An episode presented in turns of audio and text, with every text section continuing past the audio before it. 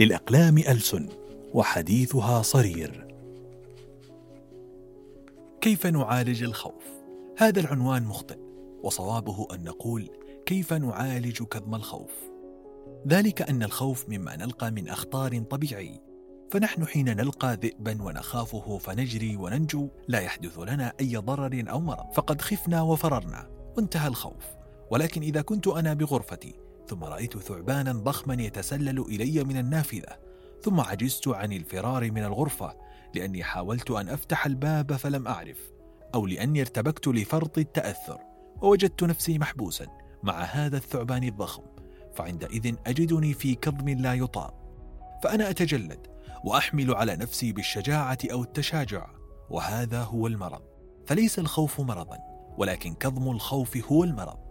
وهكذا الشأن في الأمراض المتفشية إذ هي كظوم مختلفة أي أننا نخاف ثم نجد أن مجتمعنا يمنعنا من الاعتراف بالخوف والعمل على التخلص منه.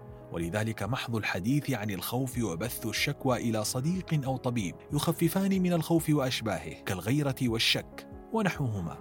فالتلميذ يخاف الامتحان ويخجل أن يذكر ذلك والجندي يخشى القتال ولا يبوح بما في نفسه. والفتاة تخشى أن تتأخر بها سن الزواج وكرامتها تمنعها من ذكر ذلك. والزوجة تخشى الضرة أو الطلاق أو الكهولة التي تنقص من محاسنها. وكلنا نخشى الفقر وكذلك نخشى المباراة العامة لجمع الثروة لئلا نفشل أو نفلس. ونحن كلنا نخاف ولكننا ننكر أننا نخاف. وحتى حين لا ننكر ذلك نجد أن المجتمع يعرضنا للخوف. كتلك الأم التي تخشى من الحوادث في الشوارع ثم لا تستطيع أن تمنع صبيانها من الخروج من البيت والخوف إحساس بدائي حيواني يتصل بفسيولوجية الجسم وهو يهجم بقوة بدائية مرغمة بحيث لا يستطيع المخ التصرف به أو ضبطه أو محوه مع منع الضرر أو الخطر. لذلك عندما نحبس هذا الإحساس نجد أنه قد التوى علينا فيعاود وساوس مزعجة أو قلق أو أرق أو هما مترددا وأحيانا يندس إلى أعضائنا الداخلية فيفسد الأمعاء بالإسهال أو يصيب المعدة بالقرحة أو القلب بالخفقان أو الرأس بالدوار. ويجب لذلك ألا نقاوم الخوف وإنما نعالجه والعلاج الأول هو الامتناع عن الكظم وذلك بأن نبوح بما في النفس لصديق أو زوجة ونبث الشكوى لهما ونتحدث ونتجاذب المشكلة التي نخافها. ومعنى هذا ألا نشتر الموضوع الذي نخافه لأن الاشترار هو استهلاك بلا إنتاج. ولكن عندما نشترك مع صديق في بحث الموضوع الذي نخافه نجد منه تحليلا موضوعيا يغلب عليه العقل. أما حين نجتر نحن هذا الموضوع فإن تفكيرنا فيه يبقى ذاتيا عاطفيا.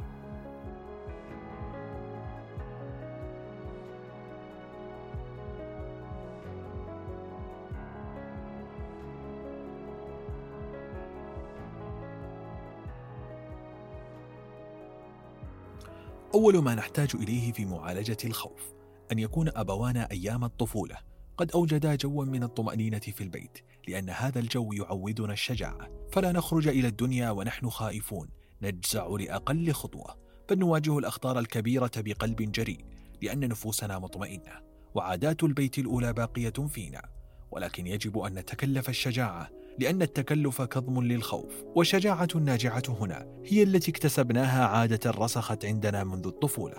أما العلاج الثاني فهو أن نعيش في مجتمع لا يغرق في المباراة التي تبعث على الجهد المضني وتثير الخوف والحسد والغيرة. يجب ألا نكتم ما نخاف أي يجب أن نبوح به. وهذا البوح درجات فإني أبوح لصديقي عما أخافه وفي هذا تخفيف بل تعقيل من صديقي لي.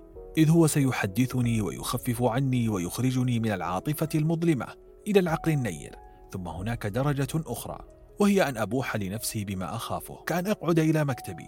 أشرح لنفسي كيف تكون هذا الخوف عندي ومتى كان ذلك وما هي نتائج هذا الشيء الذي أخافه. أفعل هذا وكأني أحلل نفسي. وفي الأغلب عندما أكتب تاريخ هذا الخوف أجد أنه لم يكن يستحق اهتمامي. وأخيرا هنالك البوح الكامل وهو أن أقعد إلى رجل قد اختص بالتحليل النفسي فهو يسألني وأنا أجيب. فينكشف المخبوء الذي كنت أخبئه ليس عن صديقي فقط بل عن نفسي. وهناك علاج هو أشبه بالوقاية وهو أن تتعدد اهتماماتنا في هذه الدنيا حتى لا يستأثر اهتمام واحد بكل قوانا النفسيه فإذا فشلنا فيه أي في موضوع هذا الاهتمام الواحد أحسسنا أننا قد فشلنا في الدنيا.